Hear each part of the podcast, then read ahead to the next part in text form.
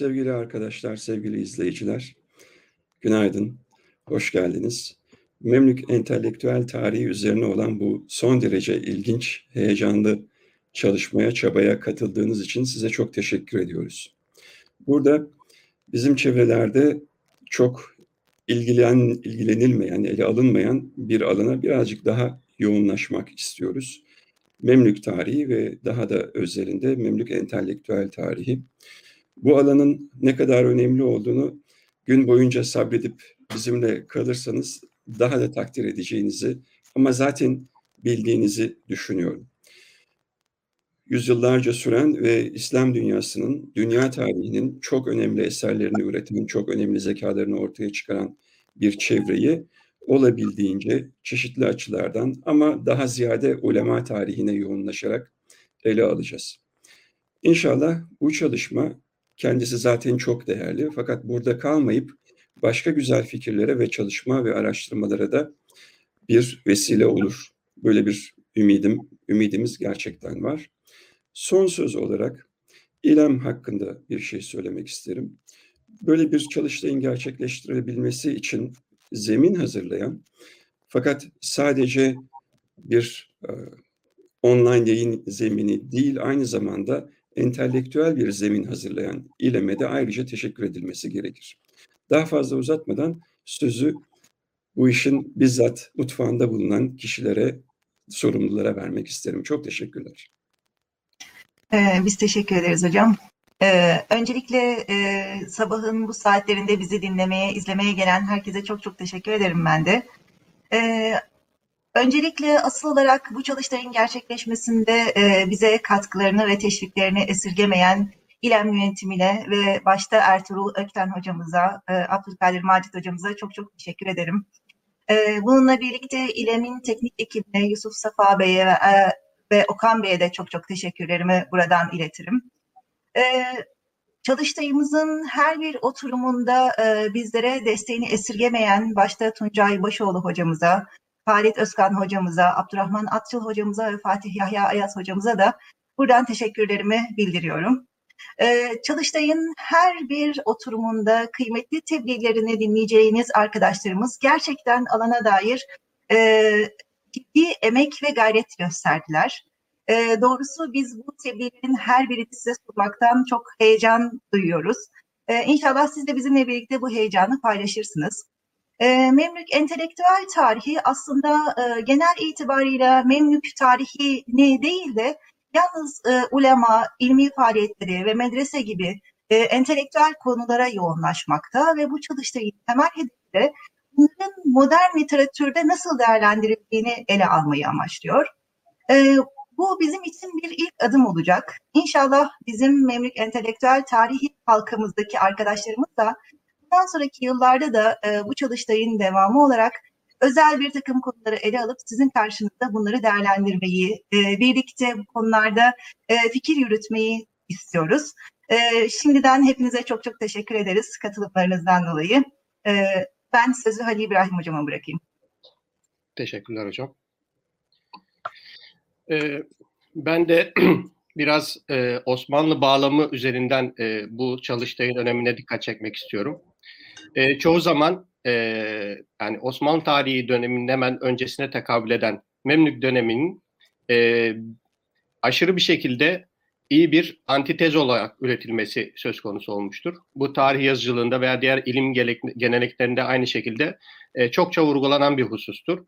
Bunu gerçekten ne olduğunu içeriden e, ilim müesseseleriyle, ulema sınıfıyla, e, farklı farklı mecralarda e, popüler kültüre kadar uzanacak birçok tebliğle içeriden bunu irdelemek, ele almak heyecan verici olacaktır.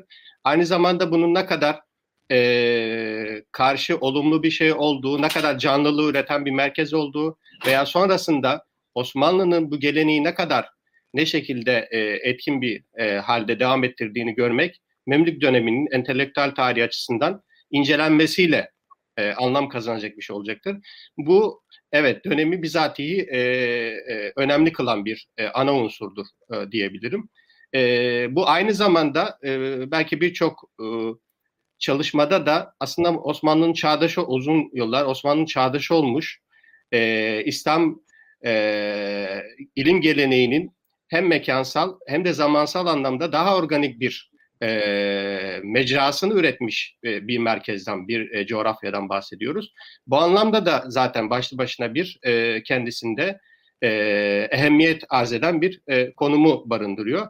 Dolayısıyla hem bu sürekliliği görmek hem bu geçişkenlikleri e, e, anlamak açısından bizatihi yine e, önemli olduğunu düşünüyorum ben. E, evet, e, hocalarımızın da işaret ettiği gibi yani e, bu çalışmaların hem oraya gidip oradaki kaynaklarla alınması hem de e, güncel çalışmalarla birlikte e, harmanlanarak e, son halinin hangi noktaya geldiğinin bir arada alınması belki de e, dikkat çeken en e, e, en heyecan verici unsurlardan birisidir en azından benim açımdan. E, Birçok genç arkadaşımızın buna katkı vermesi zaten başlı başına yine bir heyecan verici bir e, şeydir. E, dolayısıyla evet bütün e, bu programın bu hale gelmesine e, vesile olan bütün ekibe, bütün hocalarımıza ben de ayrı ayrı e, teşekkür ediyorum. E, inşallah istifadeli geçecektir. E, sözlerimizi de e, birinci oturumun başlaması e, için e, oradaki hocalarımıza bırakıyorum. Diyeyim. Ben de e, te- tekrardan teşekkür ediyorum.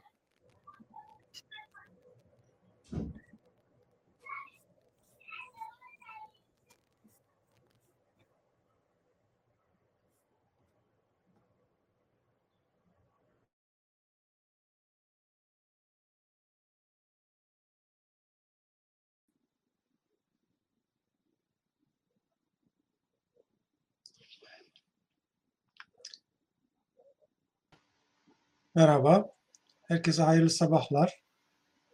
Ee, Memlükler dönemi e, fıkıh çalışmaları başlıklı birinci oturumumuza hoş geldiniz. Ee, bu oturumda e, üç genç arkadaşımız e, Memlükler dönemi fıkıh, hukuk sistemi hakkında araştırmalarını sunacaklar. Öncelikle ben bu çalıştayı düzenleyen arkadaşlara, bunu gündeme getiren İLEM yönetimine teşekkür etmek istiyorum. Bu Türkiye'de ikinci e, çalıştay oluyor bildiğim kadarıyla. İlki e, İstanbul Üniversitesi İSAMER tarafından düzenlenmişti. İkincisi İLEM tarafından düzenleniyor. E, Memlükler dönemi aslında e, bizim daima çok yakınımızda. Çünkü orada o kadar çok önemli eserler üretildi ki bu eserler hala bizim kullandığımız günlük elimizin altında bulundurduğumuz eserler. E, bize çok uzak ve yabancı gibi gelmiyor ama bir yandan da e, şu ana kadar ciddi bir araştırma konusu haline getirilmedi yakın zamanlara kadar Türkiye'de en azından. Oysa İslam bilimler tarihinde çok önemli bir yere sahip. Ben sözü çok uzatmadan e, öncelikle konuşmacı arkadaşlarımızı tanıtarak sözü kendilerine bırakmak istiyorum. İlk konuşmacımız Muhammed Emin Canlı.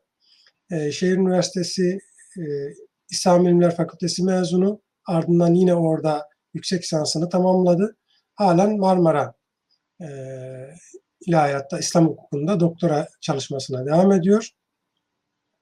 E, yüksek lisans çalışmasında e, Memlükler dönemi Kahire Hanefi çevresi üzerine yaptı. E, ikinci konuşmacımız Doktor Mehmet Fatih Yalçın. E, İslam tarihi e, alanında doktorasını tamamladı. Marmara e, İlahiyat mezunu ve yine orada yüksek lisans ve doktorasını Memlükler dönemi üzerine yaptı. E, çalışma alanında e, doktorada e, Bahri Memlüklerde Dımaşk Kadır Kudatları e, adını taşıyor. E, şu anda Bilecik Şehir Edebali Üniversitesi'nde İslam Tarihi bölümünde doktor öğretim üyesi olarak görevine devam ediyor. O da e, Jürgen Nielsen'in Memlükler dönemi e, adli sistemine dair çalışmaları üzerine bir sunum yapacak. E, Muhammed Emin Canlı'yı unuttum galiba. Muhammed Emin Canlı da e, modern dönemde Memlükler fıkıh, e, Memlükler dönemi üzerine oluşan fıkıh literatürü hakkında konuşacak. E, üçüncü konuşmacımız Sümeyye Onkaç. E, Marmara Üniversitesi İlahiyat Fakültesi mezunu. 29 Mayıs e, Üniversitesi'nde İslam Hukuku bölümünde yüksek lisans tezine devam ediyor. fıkıh, furuk ve kavaid literatüründe örf ve adet üzerine çalışıyor. E, bu oturumda da yine Memlükler dönemi kavaid ve furuk literatürü üzerine e, bir sunum yapacak. Konuşmacılarımızın her birinin 20'şer dakikası var. E, sunumlarından sonra e, gerek YouTube üzerinden e, bize gelen soruları cevaplamak şeklinde veya gerekse e, burada birbirimize soracağımız sorular çerçevesinde bir müzakere yapacağız.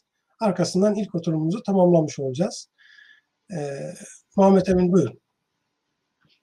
Teşekkür ederim hocam. Sağ olun. Ee, şöyle ekrana yansıtayım önceden bir.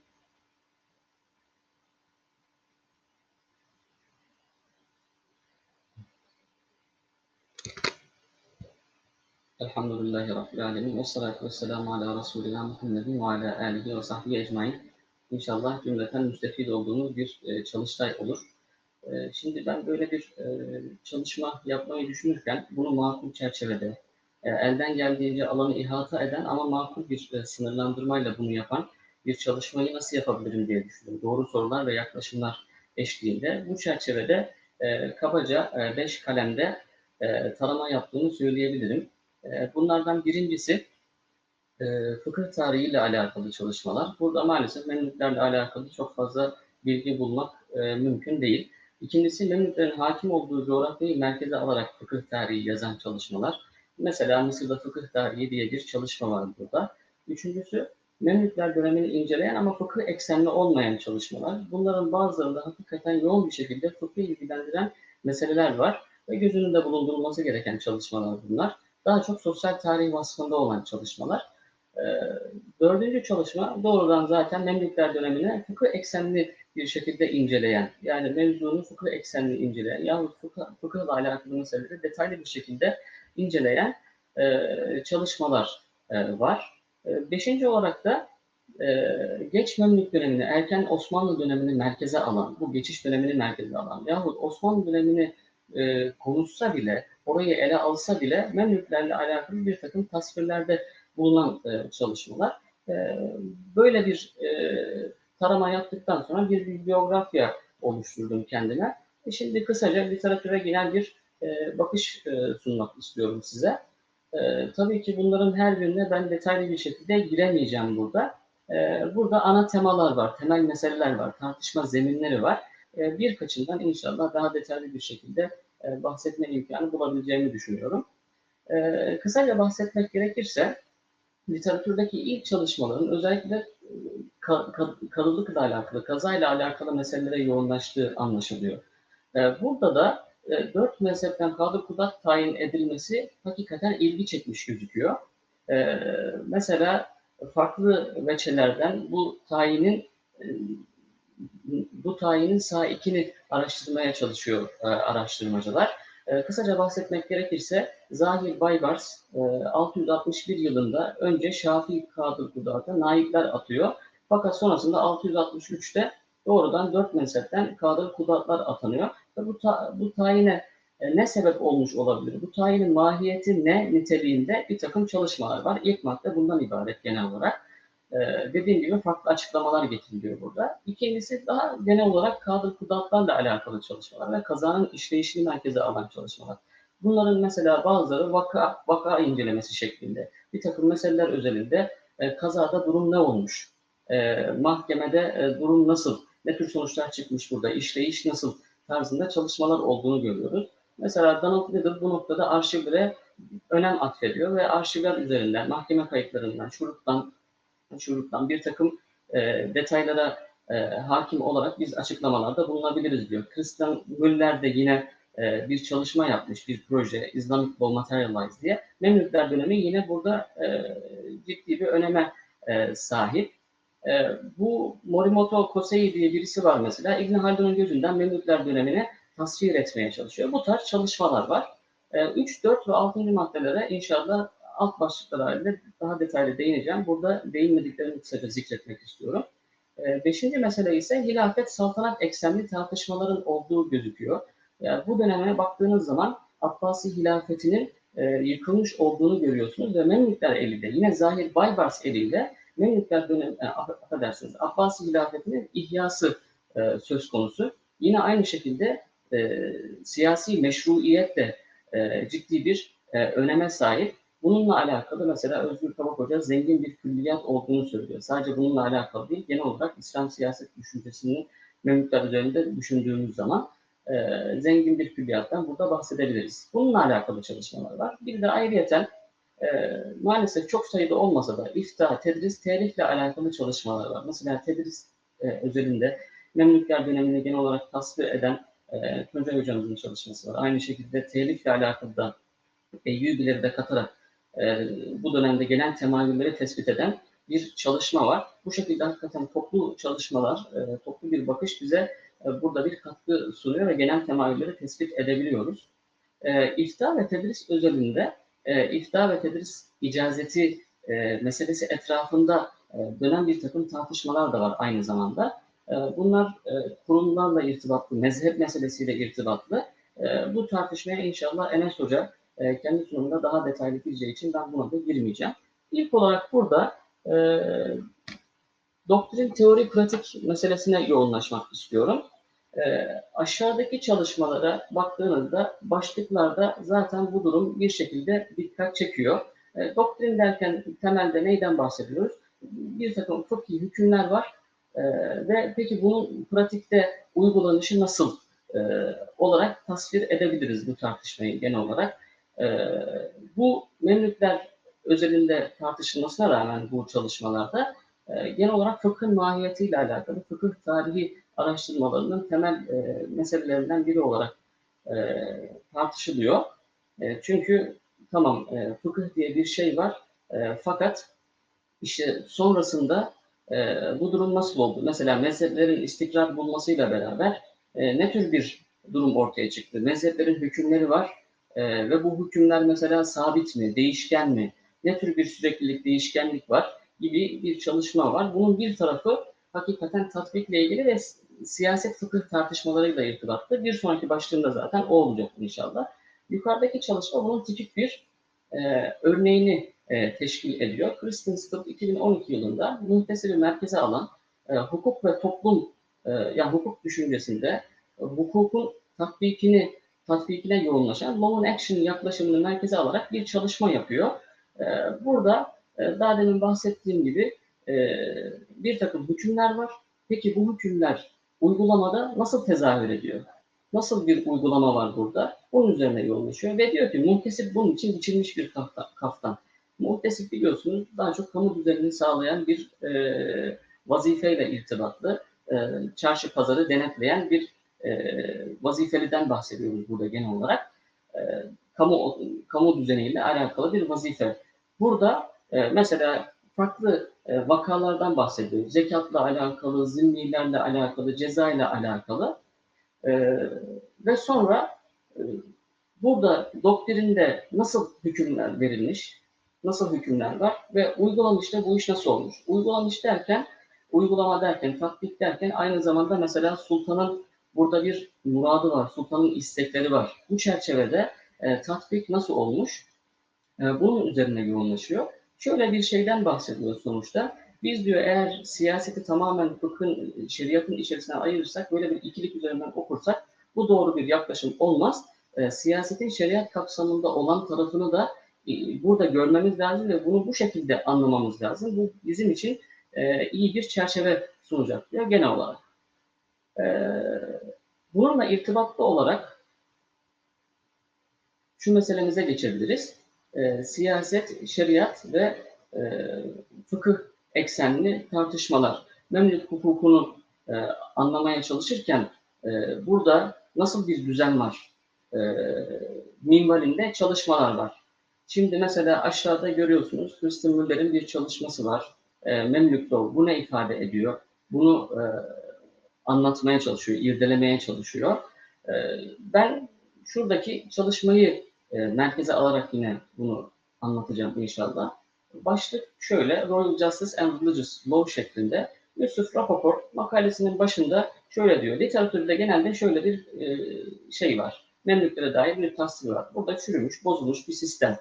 Burada ne tür şeyler ön plana çıkartılıyor? Fıkhın esnemezliği, sultanın ve emirlerin keyfiliği, rüşvet vesaire. Dolayısıyla burada yozlaşmış bir düzen var gibi bir algı var diyor. Aşağıdaki çalışmaların bazılarında bunların tipik örneklerini görebiliriz mesela. Leonor Fernandez bu çalışmasında diyor ki Sultan kadıyı mı dinler, müftüyü mü dinler? En son ulaştığı netice şu, kendisini dinler. Kendisi için ne iyiyse onun peşinden gider. Robert Irwin mesela burada bir adalet var mı tartışmasını e, gündeme getirirken e, en sonunda evet adalet var ama diyor Godfather'a telvihde gönderiyor. E, Godfather'la alakalı bir teşbihte bulunuyor. O şekilde tasvir ediyor mesela genel olarak.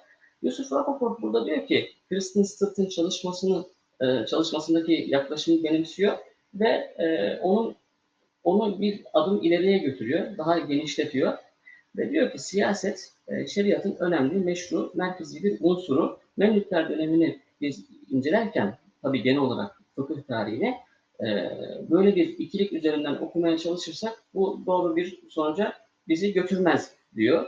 E, tabii şunu da gündeme getiriyor. Memlükler dönemi yeknesak bir şeyden oluşmuyor e, ve üç döneme ayırıyor kendi meselesi özelinde. Burada e, üç dönemde şunu görüyoruz. Siyaset alanının genişlediğinden bahsediyor. E, ama bunu yine doğrudan siyaset e, affedersiniz yani şey e, ikilemine götürmeden yapıyor. E, bir tarafta şeriat var, şer'i olan var. Bir tarafta tabiri caizse e, seküler olan var. Bu şekilde olmaması gerektiğinden e, bahsediyor. E, bununla alakalı da genel olarak böyle bir çerçeve sunabiliriz. Mesela bu çalışmada yine e, Vail Hallak'ın bir e, söylemine de e, ufak bir itiraz var. E, diyor ki e, siyasetten bağımsız bir şekilde e, geliştiğini genel olarak e, vurguluyoruz mesela bugünlerde diyelim. E, Yusuf Rapoport diyor ki böyle diyoruz ama bakın burada şeriat e, önemli siyaset şeriatın önemli bir e, unsuru ve burada bir takım değişiklikleri de sebep olmuş e, argümanını da savunuyor aynı zamanda. E, evet bir diğer değinmek istediğim mesele ise e, dört mezheple ilgili hakikaten çok önemli bir mesele bu. E, kazadan iktidaya, tedristen telife kadar birçok açıdan incelenebilir. Fakat ben e, burada bir tartışma zemini var. Onun üzerinden bu meseleyi irdelemek istiyorum. E, bu mesele ise dört mezhep ve hukuki çoğulculuk meselesi. Daha çok legal plurality, legal diversity olarak batıda e, yapılmış olan çalışmalarda gördüğümüz bir başlık. E, genel olarak bahsedecek olursak şu soldaki üç çalışmayı merkez alarak bir açıklama yapmak istiyorum burada. Dört kadı kudatın tayininden bahsettik. Bundan önce ne vardı? Şafi kadı vardı tek başına. Sherman Jackson Karafi ile irtibatlandırarak yapmış olduğu çalışmasında bu Şafii tekelinden bahsediyor. Şafii kadı kudat burada ne yapıyordu? Diğer mezhepten e, olan kadıların e, hükümlerini bir şekilde iptal ediliyor, ed ediyordu. Ve bu bir bu, burada bir rahatsızlıktan bahsediyor. Tamam ve kadı kudat tayinini dört kadı dört mezhepten kadı kudat tayininin sahibini de bu veçeden açıklıyor. Sonra diyor ki tamam dört mezhepten kadı kudat oldu. Peki burada düzen nasıl sağlanacak? Burada işte mezhep e, merkezi bir öneme sahip. E, birincisi şununla alakalı.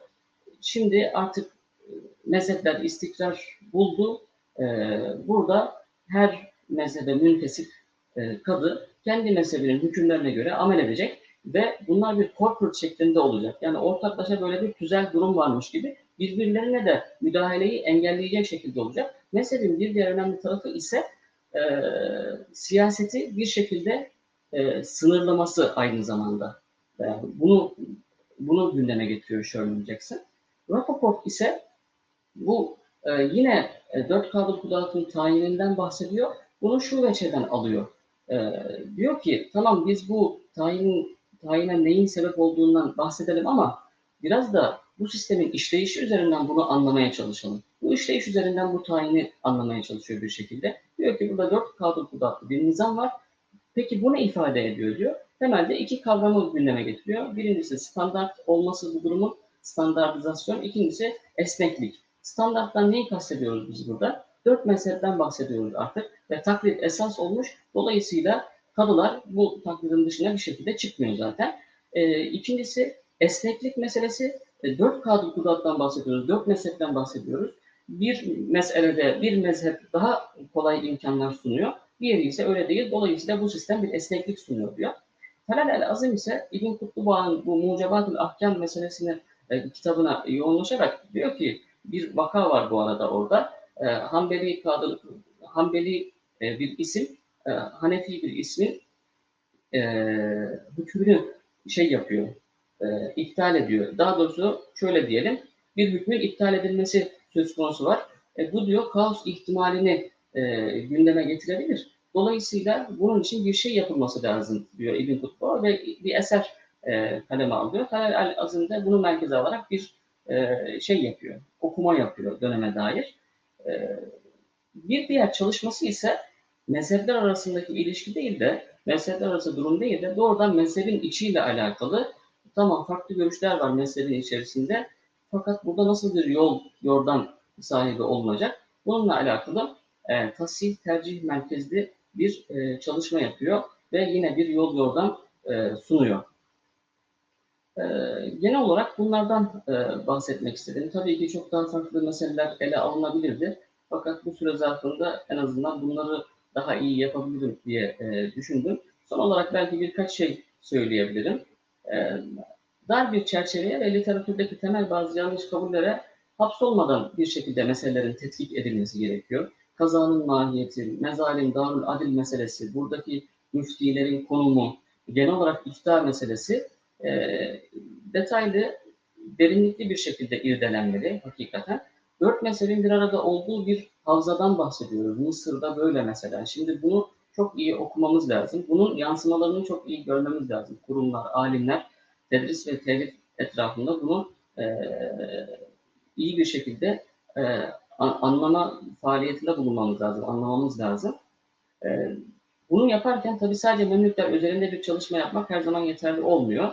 Ve aynı zamanda sadece mesela Mısır'ı ya da Şam'ı merkeze alarak bir çalışma yapmak da yeterli olmuyor. Diğer bölgelerle, Memlüklerin dışındaki bölgelerle de aynı zamanda ve öncesiyle sonrasıyla mukayese ederek Memlükler dönemini, e, döneminin tahlil edilmesi gerekiyor. Burada e, tarih ve tabakat metinleri hakikaten büyük bir imkan sağlıyor. Fakat aynı zamanda mahzurlu yönleri de var. Ne gibi? Mesela bazı çalışmalarda şunları görebiliyorsunuz. Birkaç vakadan böyle genellemeler yapılıyor. Bu e, yanlış sonuçlara götürüyor insanları bir şekilde. Tarihi serencam içerisinde hakikaten o farklılaşma, o dinamik yapıyı bir şekilde göz önünde e, bulundurmak lazım. E, konu edilen meseleyi tahlil ederken o meseleyle ilgili toplu bir bakışa sahip olmak lazım. E, burada Hicri 9. asırı merkeze alıyoruz. Bununla alakalı bir çalışma yapıyoruz. Fakat belki 20 yıl sonra farklı bir durum e, burada e, olabiliyor. Bunu bir şekilde göz önünde bulundurmak lazım. Ya da çıkıyorsunuz bir kişisel ilişki üzerinden Memlükler döneminde bu böyledir diye kesin bir hükme ulaşıyorsunuz. Fakat bu bir şekilde yanlış oluyor. Sultandan sultana değişebiliyor, kişiden kişiye değişebiliyor, şartlardan şartlara göre değişebiliyor. Böyle değişkenliklerin olduğunu hesaba katmamız lazım.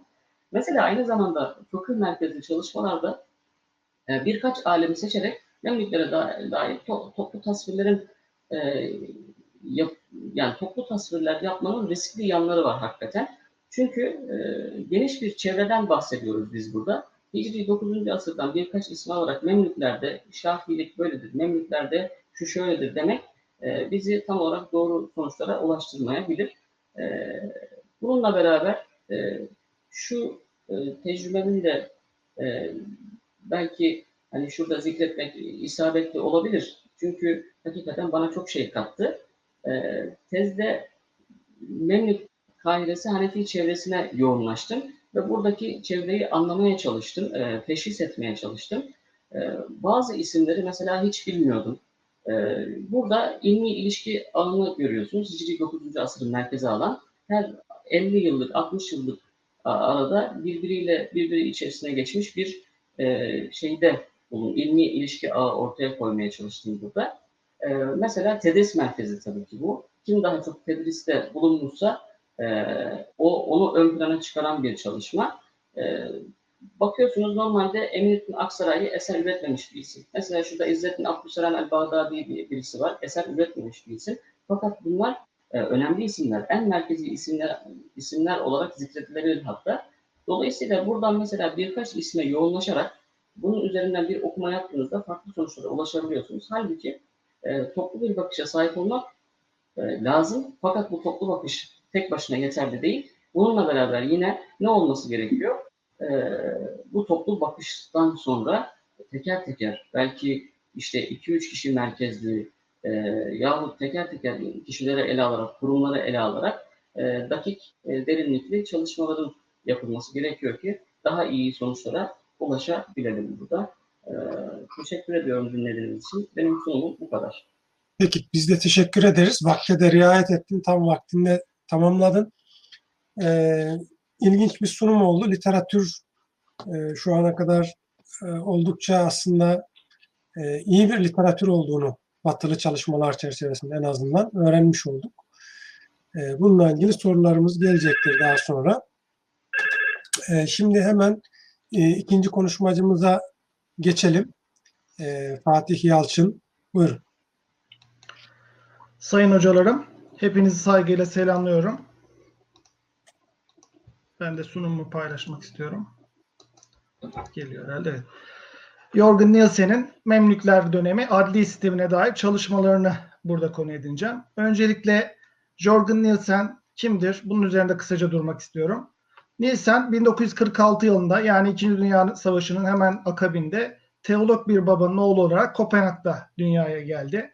Hayatında üç ülkenin öne çıktığını görüyoruz. Bunlar Danimarka, İngiltere ve Lübnan olarak karşımıza çıkıyor. Doğduğu ve önemli araştırma merkezlerinin kurul, kurulmasına öncülük ettiği Danimarka, ilk eğitimini aldığı İngiltere, doktorasını yaptığı ve evlendiği Lübnan olarak karşımıza çıkıyor. Gençliğinde babasının görevi dolayısıyla yaptığı seyahatlerde farklı din ve kültürleri tanıma fırsatı buldu. Çince'ye merakı olmakla birlikte babasının yönlendirmesiyle Arapça öğrendi. Lübnan'da Beyrut Amerikan Üniversitesi'nde Konstantin Zürek, Kemal Salibi, Tarif Halidi'nin danışmanlığında 1978 yılında doktorasını tamamladı. Aynı yıl Birmingham Üniversitesi'nde ders vermeye başladı. 1988 yılında İslam ve Hristiyan-Müslüman İlişkileri Araştırma Merkezi Direktörlüğüne atandı. 1979-1989 yıllarında Avrupa'daki Müslümanlar üzerine araştırmalar adında seri halinde 60'a yakın kitaplar yayınladı. Özellikle Avrupa'da yaşayan Müslümanların yargılandıkları dava konularına ilgi gösterdiği, doktorasından sonra ilgi gösterdiği görülmektedir. 1996 yılında Birmingham Üniversitesi'nde İslam Araştırmaları Profesörlüğüne atandı. 2013 yılında emekli olmasına rağmen 2016 yılından itibaren Birmingham Üniversitesi'nde yarı zamanlı olarak çalışmalarına devam etmektedir. Nielsen'in çok fazla çalışması olmakla birlikte e, Memlükler dönemine dair dört tane çalışması bulunmaktadır. Bunlardan birincisi 1976 yılında yani doktora e, tezini tamamlamadan iki yıl önce Darul e, Memlükler döneminde e, mezalim oturumlarının gerçekleştirildiği Darul Adl üzerinedir. İkincisi ve e, Memlükler dönemi e, adli teşkilatlarına dair en önemli çalışması doktora tezinin kitap hali olan ve 1985 yılında basılan Secular Justice in an Islamic State Mezalim Andırdı Bahri Memlüks adlı kitabıdır. Yani ve Bahri Memlükler döneminde seküler e, yargı kurumu olarak mezalim e, müessesesini ele almıştır. Üçüncü çalışması dört mezhepten birer kadul kudat ataması uygulamasını ele aldığı ve 1985 yılında e, yayınlanan makalesidir. E, bu konuda son olarak e, Encyclopedia of İslam'da e, 1990 yılında mezalim maddesini Jorgen Nielsen ele almıştır.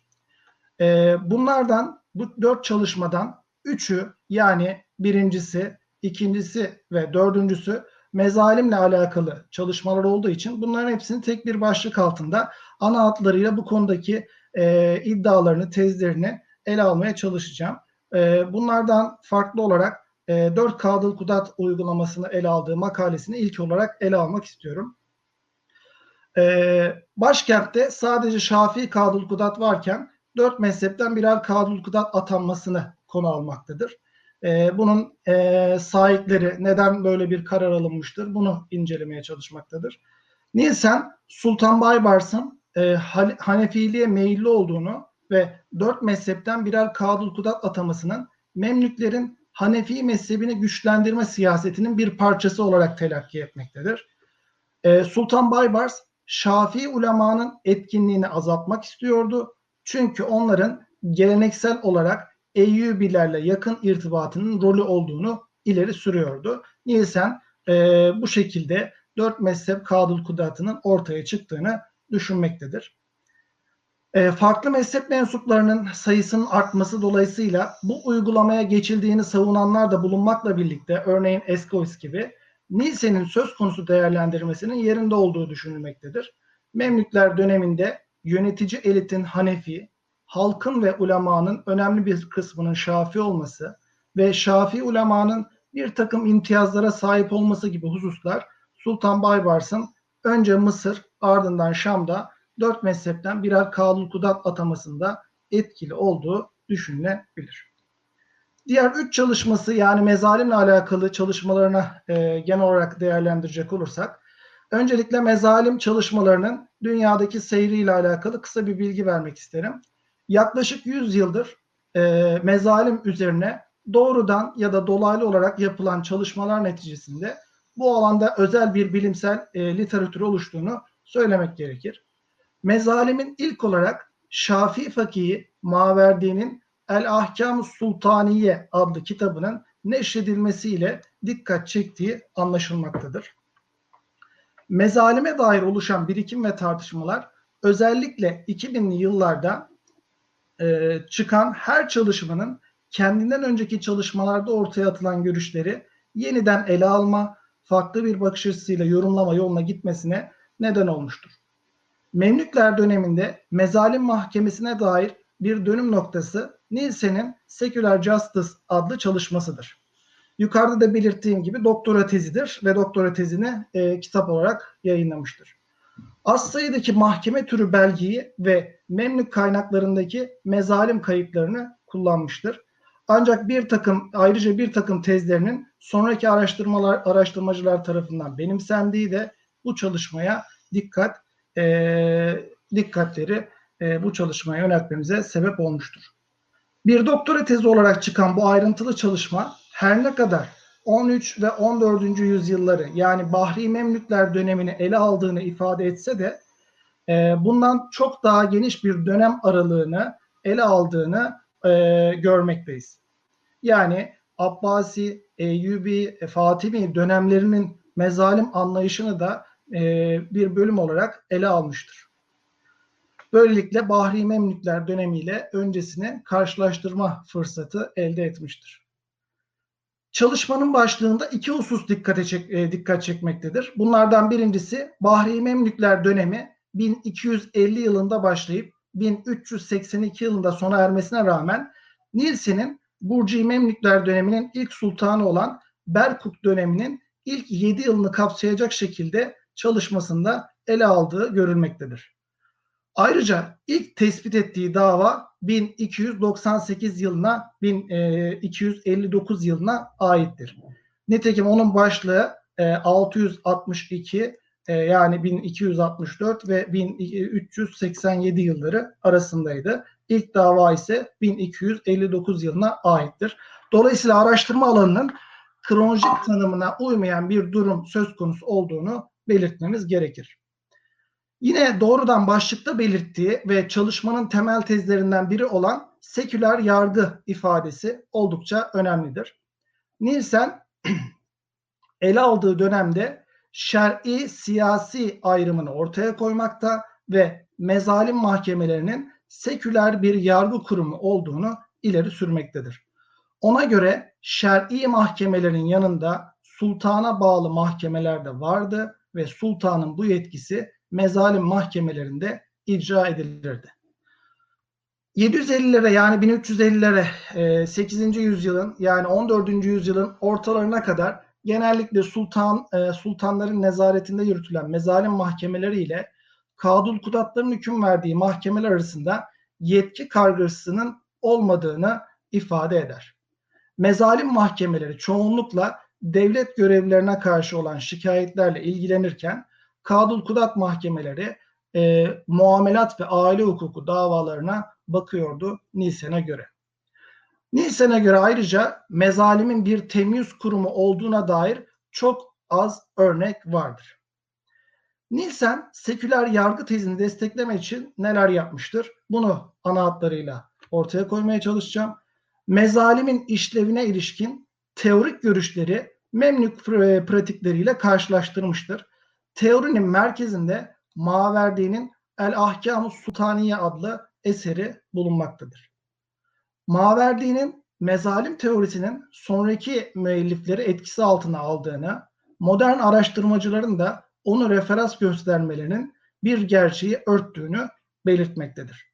Dolayısıyla e, mezalim e, Maverdi'nin mezalim teorisinin Bahri Memlükler dönemi için e, kısmen uygulanabilir olduğunu ifade etme, etmektedir.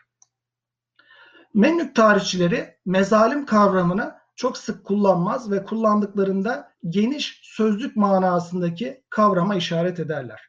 Söz konusu dönemde mezalim hukuk mahkemesinden ziyade idari bir sistem önermekteydi. Dikkate değer çok az dava kaydı mezalimin mahkeme oturumu şeklinde çalışma esasının olduğunu göstermektedir Nielsen'e göre. Seküler yargı tezini desteklemek amacıyla bu dönemdeki mezalimin ayırt edici yönlerine işaret etmektedir. Nitekim o sır katibi, askeri görevler arasında bulunan hacip ve devadarın mezalimle ilgili görevlerine bu bağlamda dikkat çeker. Ayrıca hacip ve devadarlar her ne kadar askeri sınıfa e, mensup olsa da fıkıh eğitimi alan az sayıdaki örneğe de dikkat çeker. Sır katibi inşa divanının başkanıdır. Sivil bürokratların e, üstlendiği en önemli görevdir. Sır katibinin başlıca görevleri arasında sultana gelen her türlü yazıyı okumak, sultanın istediği şekilde cevap yazmak ve mezalime sunulan dava dilekçelerini okuyup gerekli hükümleri yazdırmaktı. İşte Nielsen sır katipliği müessesesine e, özellikle Bahri Memlüklerde mezalim müessesesinin merkezine koyar ve sır katibinin idari sorumluluğunun e, sır katibinin mezalim mahkemesinin idari sorumluluğunu uhdesinde bulundurduğunu savunur. Bahri Memlükler dönemi boyunca mezalimin etkinliği, devletin ilgisini ve etkinliğini yansıtıyordu. Halk ile yöneticiler arasındaki anlaşmazlıkların giderilmesi ve Memlük toplumunun nabzını tutabilmek için mezalim oldukça önemli bir kurumdu. Bunun için özellikle Bahri Memlüklerin son 40 yılında görev yapan, sır katibi olarak görev yapan İbni Fazlullah el-Ömeri ailesine e, değinir. Sultan Nasır Muhammed Kalavu'nun ölümünden sonra 40 yıl sır katipliği görevini yapan bu ailenin mezalim üzerinde etkili olduğunu, bu durumunda seküler yargı için önemli bir delil teşkil ettiğini ifade eder. Çünkü Bahri Memlükler döneminin son 40 yılında e, oldukça e, zayıf sultanlar, çocuk yaştaki sultanlar görevdeydi. Ümera arasında bir rekabet söz konusuydu ve bu durum sır katipliğinin mezalim üzerinde e, daha etkili olduğunu e, savunur.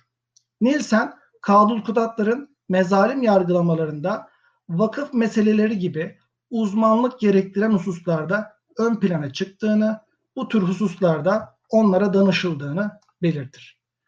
Sultanın talebiyle bir araya gelen Kadül Kudatların bu konularda tartıştırılarak sultanın çıkarına olanın tercih edilmesiyle oturumun sona erdiği iddiasındadır.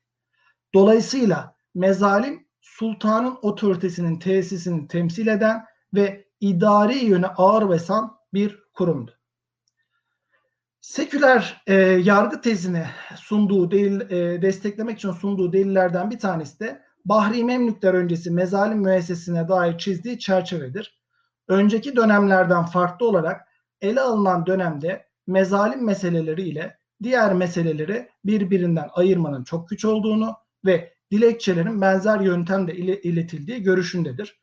Ayrıca Bahri Memlükler döneminde emirlerin mezalimde daha önce görülmemiş bir role sahip olduğu kanaatini taşır.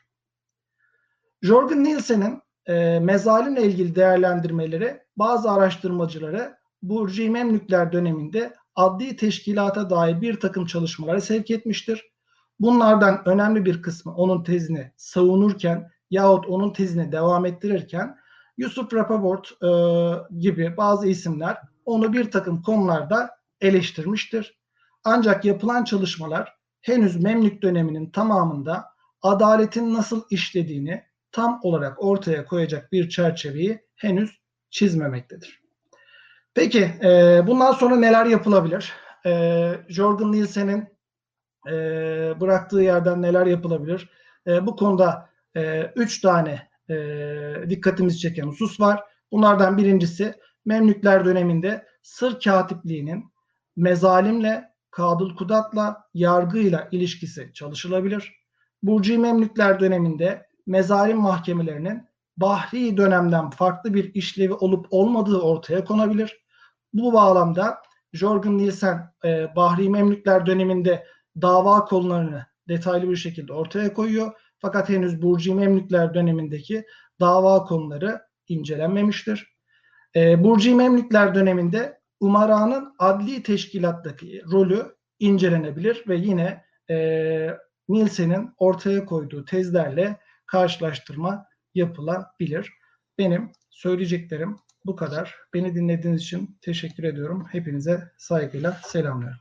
Çok teşekkür ederiz. Ee, ilginç bir e, sunumdu. Yine Mezalim Mahkemesi ile ilgili. Bununla ilgili herhalde sorular da e, gelecektir. E, tabii burada e, Osmanlı hukuk sistemine benzer şekilde 20. yüzyılda malum uzun bir tartışma vardır şer'i örfi hukuk meselesiyle ilgili. Benzer bir şekilde Memlükler döneminde yorumlandığını e, görüyoruz bu örnekte. Şimdi üçüncü e, konuşmacıya geçelim. E, ondan sonra sorularımızı e, iletiriz. Buyurun Sümeyye Hanım.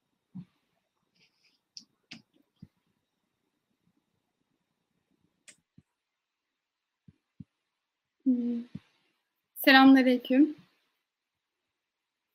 Şu an sunumum gözüküyor mu acaba? Evet gözüküyor, görünüyor. Biraz daha büyütebilirsin. Tamamdır hocam. Tamam. Öncelikle katılımcılara ve bizi online olarak dinleyenlere e, selam ve saygılarımı iletmek istiyorum. E, bu çalıştayın düzenlenmesinde emeği geçenlere de e, şükranlarımı iletirim. Ben sunumumda sizlere Memlük dönemi Furuk ve Kavait literatürü üzerine modern dönemde yapılan çalışmaların bir değerlendirmesini sunacağım. Ancak e, sunumumda bütün literatürü size sunup değerlendirmek zaman açısından e, sıkıntı olacağı için ben sizlere bu literatür içinde üzerine en fazla çalışma yapılmış iki kişi yani İz bin Abdüsselam ve Karapi hakkındaki modern çalışmaları bunlar içinde de yöntem ve uslubu farklı ve istisnai olduğunu düşündüğüm e, çalışmaları değerlendireceğim. E, tebliğimin planını size şu şekilde sunabilirim. İlk başta Furuk ve Kavait üzerine kısa bir bakış e, yapacağız. E, sonra Memlük dönemi ilim hayatında Furuk ve Kavait e, neye tekabül ediyor? Bunu e, birlikte inceleyeceğiz. Memlük dönemi Furuk ve Kavait literatürü üzerine yapılan çalışmaların değerlendirilmesi de e, bizim e, üçüncü başlığımızı oluşturacak. Furuk ve kavait üzerine kısa bir bakış e, da ilk önce furuk ne, kavait ne bunu kısa bir şekilde tanımlamak istiyorum. Furuk şekil bakımından birbirine benzeyen, hüküm açısından ise birbirinden ayrılan fıkhi mesele ve kavramları inceleyen bir ilimdir. E, kavait ise fer'i bir meseledeki hükmün e, bu meselenin tamamını veya bir kısmını kapsayacak şekilde tümel önerme haline getirildiği bir e, ilimdir yani literatürdür ve hukukun temel ilkelerini yansıtır. Peki e, Memlük dönemin ilim hayatında furuk ve kavait e, neye tekabül ediyor? E, bunun üzerinde biraz durmak istiyorum. Bununla ilgili de e, ben şöyle bir e, irtibat olabileceğini düşündüğüm bir e, sıralama yaptım. Memlük dönemiyle bu literatürün zamansal irtibatını, e, mekansal irtibatını ve kavramsal irtibatını kurabiliriz diye düşünüyorum. E, zamansal irtibat derken sizlere bir e, tarihi bir zamandan bahsetmeyeceğim. Yani tarihi verileri olan bir zamandan bahsetmeyeceğim. Bu ilmin geçirdiği bir merhale olarak e, bir zamandan bahsetmek istiyorum. Şöyle ki bu ilmin oluşum süreci daha doğrusu e, Furuk ve Kavaid edebiyatına dair ilk eserlerin telifi Hicri 4. asra dayanıyor. Bu asır mezhep birikiminin sistematik bir şekilde incelemelere tabi tutulduğu ve bir araya getirildiği bir dönem olması yönüyle de dikkat çekiyor. Ancak bu dönemde bu edebiyatın nüveleri olarak zikredilen eserler e, tam teşekküllü bir furuk ve kavaid edebiyatı özelliği göstermemekte. E, bu sebeple kavaid ilminin oluşum sürecini e, Hicri 4. yüzyıldan Hicri 6. yüzyılın ortalarına kadar sürdüğünü yani yavaş yavaş böyle bir oluşumun olmaya başladığını yani nüvelerini görebiliyoruz. Ancak e, Hicri 6. yüzyıldan itibaren e, bu alanın tipik örneklerinin e, ve asıl hani furuk ve kavayet diye bahsettiğimiz eserlerin bu dönemde yazılmaya başlandığını görüyoruz. Ee, mesela İbn Abdüsselam, Şehabettin El-Karafi, İbn Vekil, Takiyüddin İbn Teymiye, Taceddin İbn Sübki gibi e, pek çok şahıs e, Hicri 6. asırda yani miladi de 13. asır tekabül ediyor. E, bu zaman içerisinde yaşamışlar ve e, bu dönemde Furuk ve Kavayda dair eserler telif etmişler. E, dolayısıyla ilk başta e, düzensiz bir çizgide gibi sürdürülen bu faaliyet fıkıh doktrininin klasik oluşumunu tamamlamasının ve bunu yansıtan literatürün ortaya çıkmasının ardından e, Hicri 6. yüzyılda e, daha da hızlanmış yani ilim bakımından ve bunu takip eden dönemde de bu türün en temel örnekleri verilmeye başlanmış. Mekansal irtibatı olarak ise şöyle ifade edebilirim. Her eser telifi içinde bulunduğu ilmi ortamdan bir şekilde etkilenir. Burada zikredeceğim mekan e, dört başı mamur, sınırları çizilmiş bir mekan olmayacak. Bahsetmek istediğim mekansal irtibat, Memlük döneminin entelektüel arka planı, yani eğitim kurumları, dönemin siyaseti, dönemin ifta ve kaza faaliyeti, mezhepsel temaslar veya işte rekabetler, e, dönemin ilim adamları tarafından tartışılan mevzular, döneme hakim olan konular, e, bunun e, mekansal irtibatı olarak tahayyül edebileceğimiz konulardır. Tüm bunlar bu eserleri içerik ve metot olarak etkilemiş. E, bu sebeple Hicri 6. yüzyılın Kahire'sindeki entelektüel canlılığı da e, kavaid edebiyatında bir dönüm noktası olarak kabul edilebilecek çalışmaların doğmasına yol açtığı bir dönem olduğunu söyleyebiliriz. Kavramsal irtibatını ise e, tanımını yaptığımız furuk ve kavaid literatürünün içerik ve metot olarak bu tanıma haiz tipik örneklerinin e, ilk defa Memlük döneminde gördüğümüzü, dolayısıyla bu iki, bu iki eser telifinin de bu dönemde kavramsal bir anlam kazanacak mahiyette olduğunu söylememiz mümkündür. Peki e, biz Memlük dönemi Furuk ve Kavaid literatürü diye bir hani üzerine çalışmaların yapıldığı bir dönemi inceliyoruz ama Memlük döneminde biz Furuk ve Kavaid literatürünün varlığından söz edebilir miyiz? Bu bizim için e, önemli bir soruydu bu araştırmamıza başlarken. E, aslında günümüze kadar e, gerek yazma, gerek matbu, e, adından söz edilse de hani günümüze ulaştığı bilinmeyen e, bir furuk ve kavayet literatürünün varlığından söz etmemiz mümkün. Gayet de zengin bir literatür. Ancak durum Memlük dönemi özeline gelince bu iki literatür için verilen tipik örneklerin bu dönemde yazılmış olması e, ve peş peşe gelen pek çok eser telif edilmesi, e, bu dönemde yine yazılan eserlerin kendinden sonra yazılan furuk ve kavayit e, kavayit eserlerini hatta devamında eşbah ve nezair de dahil olmak üzere üslup ve metot olarak e, etkilemesi ve bu eserlerin takip edilmesi bu dönemde bu alana dair bir literatürün varlığını meşrulaştırır gözükmektedir.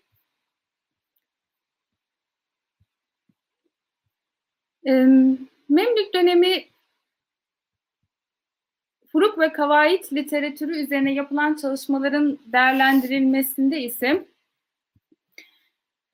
şöyle bir girişle başlayabiliriz. Bu literatür üzerine yapılan çalışmaları tespit etmek için Türkçe, Arapça ve İngilizce literatürü taradık. Ve görebildiğimiz kadarıyla bu dönem üzerindeki modern literatür bu dönemde eser telif etmiş şahısların hayatı ve eserleri üzerinden devam ediyor. Ancak hepsini burada zikretmek mümkün gözükmemekte. E, dolayısıyla e, Furuk ve Kavait ilminin e, bir anlamda mimarı da kabul edilebilecek ve haklarında modern dönemde en çok çalışma bulunan İzbin Abdüsselam ve Karafi üzerine yapılan e, çalışmaları çalışmaları yani onların modern dönemde onlar üzerine yapılan çalışmaları e, sizlere sunacağım.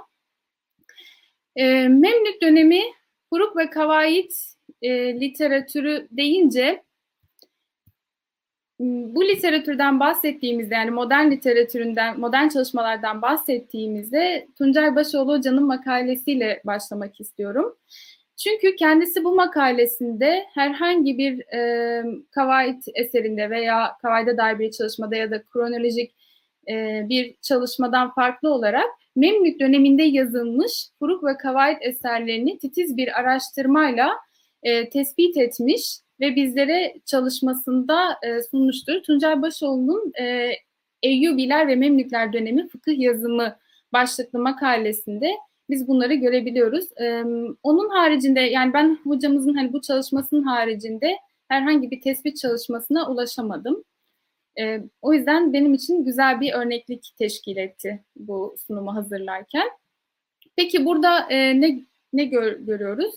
E, öncelikle bu dönemde kimler e, eser telif etmiş bu alanda e, ve bu alanda telif ettikleri eserleri e, neler olduğunu ve aynı zamanda kronolojik sırasını da e, görmekteyiz.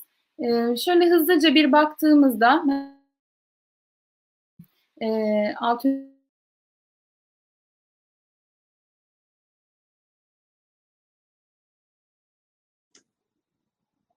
Evet. E, herhalde bir internette sıkıntı oldu. E, şu an e, sesiniz gelmiyor. En önemli yani Furuk edebiyatındaki en önemli yani Biraz bu, bu e, İbn Abdüsselam'dan alabilir miyiz? Çünkü arada kesinti oldu. Ha, tamam hocam. Ee, Abdülaziz bin e, Abdüsselam'ın Kavaidül Ahkam fi Mesalihil Enam adlı eseri e, Kavaid e, adıyla yazılmış yani Kavaid e, örneğinin Kavaid türü eserin en güzel ve ilk örneğini diye ilk örneği olduğunu söyleyebiliriz. Aynı şekilde Şehabettin El Karafi'nin El Furuk'u da e, bu minvalde yani Furuk edebiyatında zikredebileceğimiz en müstesna örneklerden birisi. Sadece bu ikisi bile Memlük dönemi Furuk ve Kavaid literatürünün e, de yani Memlük döneminde Furuk ve Kavaid'e dair çok önemli eserler yazıldığını göstermektedir. Hemen akabinde İbnül Vekil'in Eşbah ve Nezair adlı eseri e, sonrasında takip edilmiş. Yani aynı adla yine Eşbah ve Nezair adıyla eserler yazılmış. Mesela Taceddin Estubki, e, İbnül Mulakkin gibi e, kişiler tarafından Celaleddin Es-Suyuti gibi kişiler tarafından aynı adlı eserler yazılmış. Yani e, bu dönemde başlayan, e, bu dönemde en, en tipik örneklerini görebildiğimiz literatür yine bu dönemin ilerleyen zamanlarına doğru kendini daha da geliştirmiş ve e, çok hani önemli diyebileceğimiz hani nihai son noktasına doğru yani en güzel örneklerini gördüğümüz noktaya doğru ilerlemiştir. E, ben bunun için e, bu literatürün hepsiyle ilgili elbette e, tanıtım yani e, tanıtım mahiyetinde çalışmalar var. İşte e, diya maddesi gibi maddeler e, hazırlanmış pek çoğu hakkında. Ancak bunları bu şekilde burada değerlendirmek e, zaman açısından e, çok hani sıkıntı olacağı için ve maksadı da aşacağı için bunları makaleye bırakıyorum ve e, burada e, Abdülaziz bin Abdüsselam ve Karafi üzerine yapılmış e, çalışmaları değerlendirmek istiyorum. Çünkü bunlar hakkında yapacağım e, örnekler yani göstereceğim örnekler zaten modern literatürün bu döneme yaklaşımı hakkında da bize bir örneklik teşkil edecektir. Ee, bunun için İlk önce İzbin İlk önce İzzettin bin Abdüsselam'dan e, başlamak istiyorum.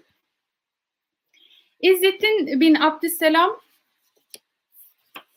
e, vefatı 660. E, kendisi aynı zamanda e, Hicri 6. yüzyılda yaşamış, pek çok ilim sahasında temayüz etmiş bir alim.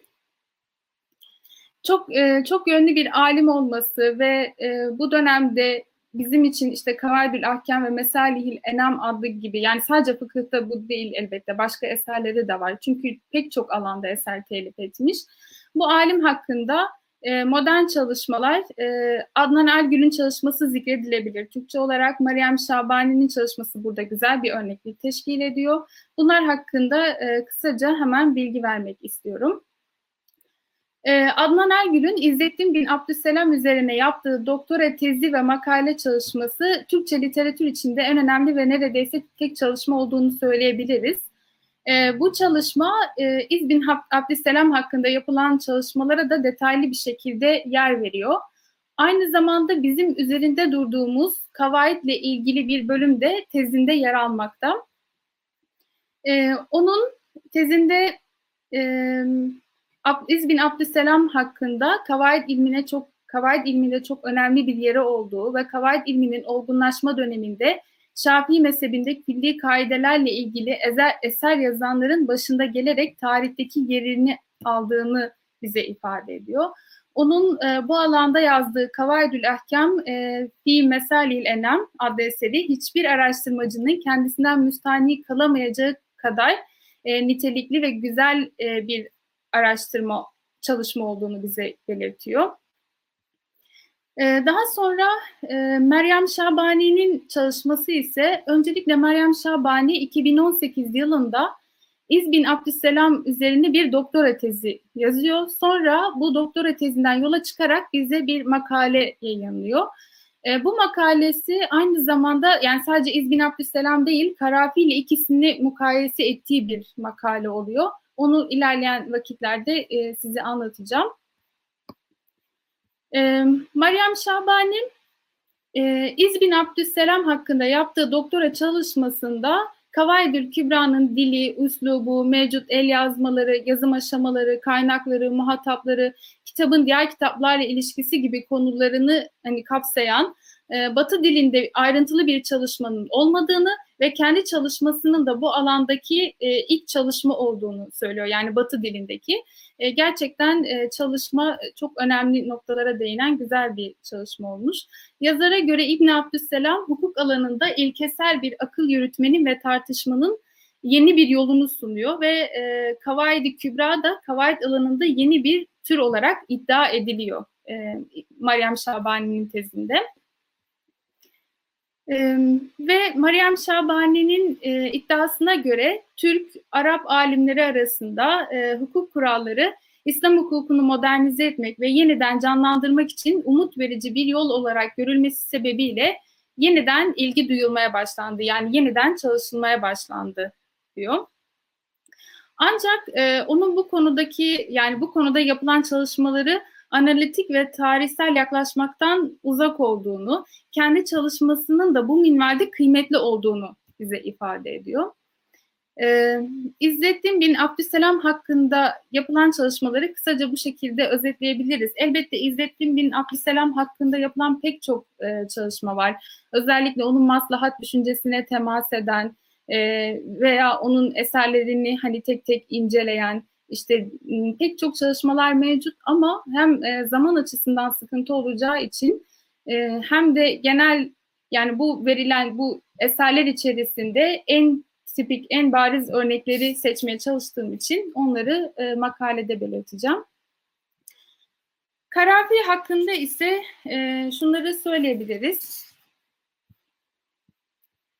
684 ee, yılında e, vefat eden Karafi'nin çocukluğu ve gençliği Eyyubilerin sonu Memlüklerin başına tekabül ediyor. Onun yaşadığı dönem e, siyasi olarak e, çalkantılı bir dönem. E, Karafi'nin olgunluk çağı ise Bahri Memlükler döneminde geçiyor ve m, Amr bin Camii, Kamhiye Medresesi ve Salihiye Medresesi gibi e, pek çok medresede e, eğitim veriyor. Karafi hakkında, Karafi üzerine yapılan çalışmalar, e, eserleri inceleniyor Karafi'nin tek tek. E, yine onun e, dil kuralları gibi yani hem Arap dilinde hem fıkıhta pek çok farklı alanda Karafi üzerine çalışmalar yapılmış. E, ama e, ben yine burada e, daha çok e, diğerlerinden daha farklı hani gördüğüm e, eserleri inceledim. Ee, özellikle Jackson, e, Karafi hakkındaki çalışmada bizim için ayırt edici bir noktada duruyor. Aynı şekilde Emine Arslan'ın Karafi'nin El İhkam adlı eseri çerçevesinde fetva ve kaza mukayesesi de e, herhalde Türkiye'de yapılan e, ilk, ilk çalışmalara tekabül ediyor diyebiliriz. E, yine Meryem Şabani'nin e, az önce hani zikrettiği makalesini burada da zikrettim. Bunlar e, den önce e, Jackson'ın çalışmasına e, değinmek istiyorum. E, Jackson, e, Karafi'nin Kitabul Ahkam adlı eseri hakkında bir doktora tezi yazıyor. Daha sonra bu tezinden yola çıkarak e, bir kitap yazıyor. Karafi'nin bu e, kitabında yani e, İhkam adlı, Karafi'nin İhkam adlı kitabı üzerine yazdığı tezinde Diyor ki bu çalışma Karafi'nin e, El İhkam adlı eserindeki hüküm ile fetva arasındaki ilişkiyi içtihat ve taklit anlayışıyla ilişkilendirerek ele almaktadır. Söz konusu bağlamı ile birlikte ele alınmış ve yazarı tarafından tespit edebildiğimiz kadarıyla daha önceden mevzu bahis edilmemiş bir zemine oturtularak incelenmiştir diyor. E, dolayısıyla e, Jackson'ın e, Karafi'nin e, El İhkam adlı eserine yaklaşımı birazcık farklı. Çünkü e, bu hüküm ve fetva ve içtihat ve taklit benzerliği üzerinden gidiyor. Yani hüküm, fetva, e, işte içtihat, taklit bunlar nasıl bir araya hani gelebilir diye böyle farklı bir yaklaşımla e, yaklaşmış ve çok detaylı bir şekilde hem Karafi'nin hayatı, ta, o dönemki tarihsel süreci, e, her şeyi ele aldığı e, güzel bir çalışma olmuş. E, mesela Emin Arslan e, 2002 yılında yazdığı işte Karafi'nin El İhkamı adlı e, çer, yani adlı eserinde Fetva ve Kazan Mukayesesi başlıklı tezinde e, hani baktığımızda iki çalışmaya da ikisi de aynı eseri alıyor, ele alıyor. E, ancak e, Sherman Jackson hani daha sistematik, e, daha problematik olaya yaklaşırken işte Emin Arslan'ın çalışması daha fetva kazan mukayesesi bağlamında kalıyor. Yani elbette hani o da kötü değil ama e, yani yaklaşımlar farklı olabiliyor. E, Meryem Şabani'nin e, İz bin Abdüsselam ve Karafi'yi mukayese ettiği yani Memlük dönemi hukuk kuralları müdevvenatında yenilik, etki, ödünç alma, İbn Abdüsselam ve Karafi e, başlıklı makalesinde e, Karafi'nin eserini İbn Abdüsselam'a dayandırdığını iddia ediyor. Ve diyor ki e, İbn e, Karafi e, yazdıklarını İbn Abdüsselam'a dayanmıştır, dayandırmıştır. Ondan e, etkilenmiştir, ondan bazı şeyleri ödünç almıştır. Ama e, hocası aynı zamanda İbn Abdüsselam hocasına bir atıfta bulunmamıştır. Yani onu anonimleştirmiştir diyor. Ve e, diğer en önemli iddiası da Karafi'nin hocasından aldığı Şafii doktorinini malikileştirdiğini söylüyor. Bu makale de bize hmm, bu makale de bize şu açıdan önemli. E, iki kişinin yani Karafi ve İbn Abdüsselam'ın hangi yönlerden mukayese edilebilir olduğunu ve e, bu konuda bize farklı bir perspektif sunulması sebebiyle e, bu makalede önemli gördüğüm için değerlendirmek istediğim makalelerden biriydi. E, sonuç olarak ise şöyle söyleyebiliriz. E, bu eserler Müslümanların ameliye hayatını tanzimden ziyade mevcut ameliye hayatın hukuki tefekkürle alakalı e, entelektüel arka planını tanıtmayı ve bu yönde bir gelenek oluşturmayı amaçladığından e, Memlük entelektüel tarihine dahil merakı olan bir araştırmacı için önemli bir malzeme sunmakta. Ee, ancak yeni yapılan çalışmalar umut verici ve heyecanlandırıcı olmakla birlikte bu dönem ve bu literatür henüz hak ettiği değerde araştırılmamıştır. Şu ana kadar Memlük dönemi Furuk ve Kavait literatürü üzerine yapılan çalışmaların hani istisnaları haricinde e, daha çok hani tanıtıcı, tasvir edici veya tespit edici mahiyet arz ettiği izlenimi oluşmaktadır.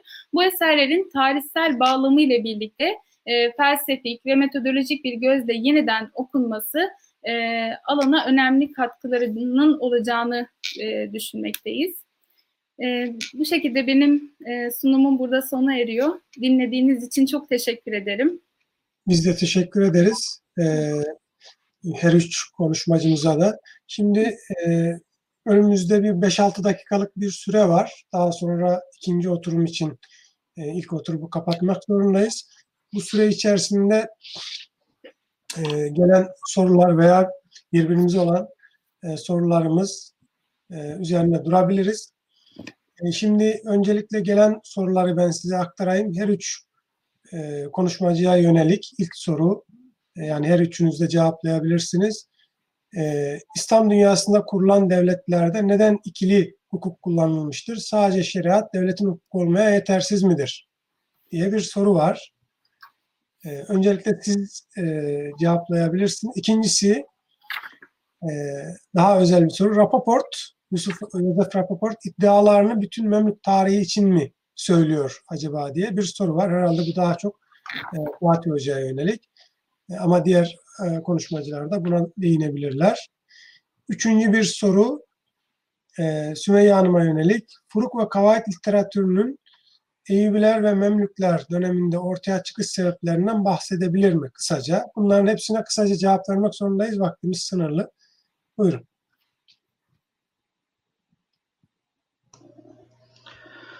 Teşekkür ediyorum. Ee, yani ben İslam hukukçusu değilim ama benim gördüğüm bu soru şöyle de olabilirdi. İslam dünyasında ikili hukuk sistemi gerçekten var mı? O iddialar ne kadar doğru şeklinde de sorulabilir. Çünkü e, şer'i örfi ayrımı ya da şer'i siyasi, şer'i sultani ayrımı neticede şeriatın içerisinde yer olan siyaseti şeriatla doğrudan ayırabileceğimiz bu kadar keskin sınırların olmadığını düşünüyorum. Ama burada tabii İslam hukukusu olmadığını da özellikle vurgulamak isterim. E, Tuncay Hocam da söylediği gibi aslında bu tartışmalar sadece Memlüklerde yok. Memlük sonrasında da var, Memlük öncesinde de var. Ama e, şer'i, siyasi ayrımı e, tam olarak e, yani böyle bir hukuk sisteminin olmadığını, bunların kesin bir şekilde ayrılamayacağını düşünüyorum. Rapoport iki sultan üzerinden e, iddialarını söylüyor. Fakat Rapoport e, bu konuda daha tutarlı, daha e, sağlam olduğunu e, söyleyebilirim. İddialarını hem eleştiriyor hem güçlendiriyor. Bakımdan Rapoport daha önemli. Peki, teşekkür ederiz. Ee, diğer sorularla ilgili evet, Sümeyye. Söyleyebilirim hocam. E, Furuk ve Kavait literatürünün e, elbette hani sadece çıkışını Eyyubiler ve Memlükler dönemine hani doğrudan hasredemeyiz. Bunun evveli var. Yani külli kaidelerle insan ilgili eskiden beri hani gelen zaten bir düşünce anlayışı var. Ee, ancak bu dönemi hani diğerlerinden farklı yapan bu dönemde en tipik örneğinin hani görülmüş olması. Yani e, İz bin Abdüsselam'ın kavaidi gibi. Ayrıca e, bundan önce yani Hicri 6. yüzyıldan önce daha çok hilaf anlayışı hakim. E, bu da eserlere yansıyan bir durum. Dolayısıyla e, bu Furuk ve Kavait eserleri de daha çok e, artık mezhepsel istikrarın işte oturulmaya oturduğu dönem e, yani belli bir ilmi müktesebatın oluştuğu yani belli bir birikimin üzerine inşa edilen bir literatür olduğunu söyleyebiliriz. E, dolayısıyla e, Memlük ve hani Memlük dönemi yani Eyyubilerin sonu Memlük döneminin başlangıcına e, bu sebeple tekabül ediyor diyebiliriz. Teşekkürler. Şimdi e, birinci soruyla ilgili e, tabii benim ayrı bir cevabım var. Yani ikili hukuk sistemi mi vardı ve şeriat yeterli değil miydi?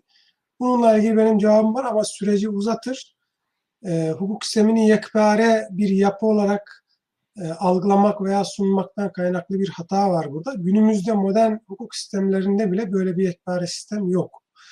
E, yani tek hukuk sistemi tabii ki e, olduğunu söyleyebiliriz bir ülkede ama onun kendi yüzleri itibariyle baktığımızda böyle bir yekpare sistem hiçbir zaman olmaz. E, Bunu ayrıca tartışırız ama onu ayrıca konuşuruz. Şimdi başka bir soru var. Ee, bana ve Emine yönelik bir soru sormuş bir e, dinleyici. Şafii ve Hanefi çatışması Memlükler döneminde mi başladı? Emin istersen buna sen cevap vermek istersen sen söyle. Ee, hocam siz de söyleyebilirsiniz toplu bir şekilde. Evet, hani sunucu olarak e, sunum yapan kişi olarak öncelik sende. Ee, tamam ben e, kısaca bir şey e, söyleyeyim o zaman. Ee, tabii ki de Memlükler döneminde başladığını söyleyemeyiz. Böyle bir durum yok. Ee, vaka bunun aslında aksini söylüyor. Öncesinde olan bir şey var. Hatta bazı araştırmacılara göre bu dönemde daha uzlaşmacı bir tavrın olduğunu bile e, belirtiyorlar. O şekilde ele almamız lazım. Bu münasebetleri de o şekilde okumamız lazım. Mesela birkaç örnek burada belki bizim için e, güzel şeyler ifade edebilir. E, Hanefileri çalıştığımda ben şunu gördüm. E, çoğu mesela Şafii alimden ders alıyor. Hatta bu bazen 20 yıla, 25 yıla kadar e, çıkıyor. Sadece fıkıh metni de okumuyor mesela. E, usul metni de okuyor, başka metinler de okuyor.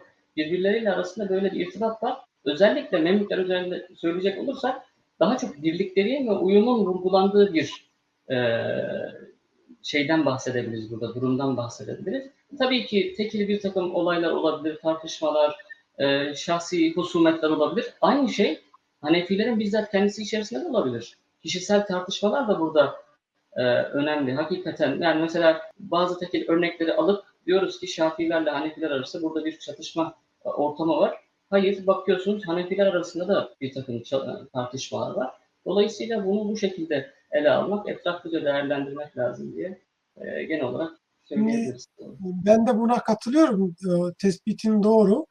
Yani Selçuklular dönemine baktığımızda orada gerçekten bir Şafiilerle Hanefiler arasında bir e, çatışma var.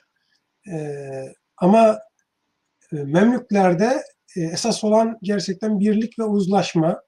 Herkes kendi mezhep konumunu savunuyor ama e, bu bir e, şey değil. E, Selçuklular dönemiyle karşılaştırdığımızda e, çatışma konusu değil, birlik daha ön planda ve e, karşılıklı anlayış ve irtibat daha fazla. Yani e, mekani ve e, müessesevi anlamda ele aldığımızda da irtibatlar daha fazla. E, hatta birbirlerinin eserlerine şerh yazma, birbirlerine öğrencilik, talebelik etme, işte akrabalıklar kurma şeklinde irtibatları çok fazla ama ihtilaf burada herkesin kendi mezhebi e, duruşundan kaynaklanıyor. E, önceki dönemlerde olduğu gibi bir ciddi halk arasında bölünme ve çatışmadan bahsedemeyiz. Tam tersine daha birliğe dayalı uzlaşmacı bir dönem olduğunu söyleyebiliriz. Kısaca böyle geçelim. E, vaktimiz daralıyor çünkü. Son bir soru var. Fatih Hoca'ya yöneltilmiş. Mahkemelerdeki ayrımlarda iddianın dayandığı örnek davalar var mı acaba diye bir soru var. Sanırım bu mezalim mahkemesi Kadı Kadıl Kudat Mah- Mahkemesi ayrımı iddiasını ifade ediyor. Bu konuda çok az e, dava örneğimiz var. E, o dönemin mahkeme kayıtları günümüze ulaşmadı. Bir de yani tarihçiler bütün her şeyle ilgileniyorlar mı? İlgilenmiyorlar. E, tarihçilerin aktardığı az sayıdaki kayıttan ya da yorumdan bu iddiayı destekliyoruz. Doktora tezimde de birkaç tane örnek vardı. Özellikle temyiz olarak e, alt mahkemeden üst mahkemeye olarak e, kadı mahkemesinden e, mezalim mahkemesine giden dava örnekleriyle bunu e, delillendirebiliriz. Teşekkür ederiz. Gerçekten şimdi e, Memlükler dönemi Osmanlılardaki gibi çok büyük bir arşiv bize gelmemiş. Yani belgeler, işte şeriye sicilleri, vakfiyeler hani var, e, yok değil ama Osmanlı ile karşılaştırdığımızda çok az. E, daha çok bize gelen şeyler tarih eserleri.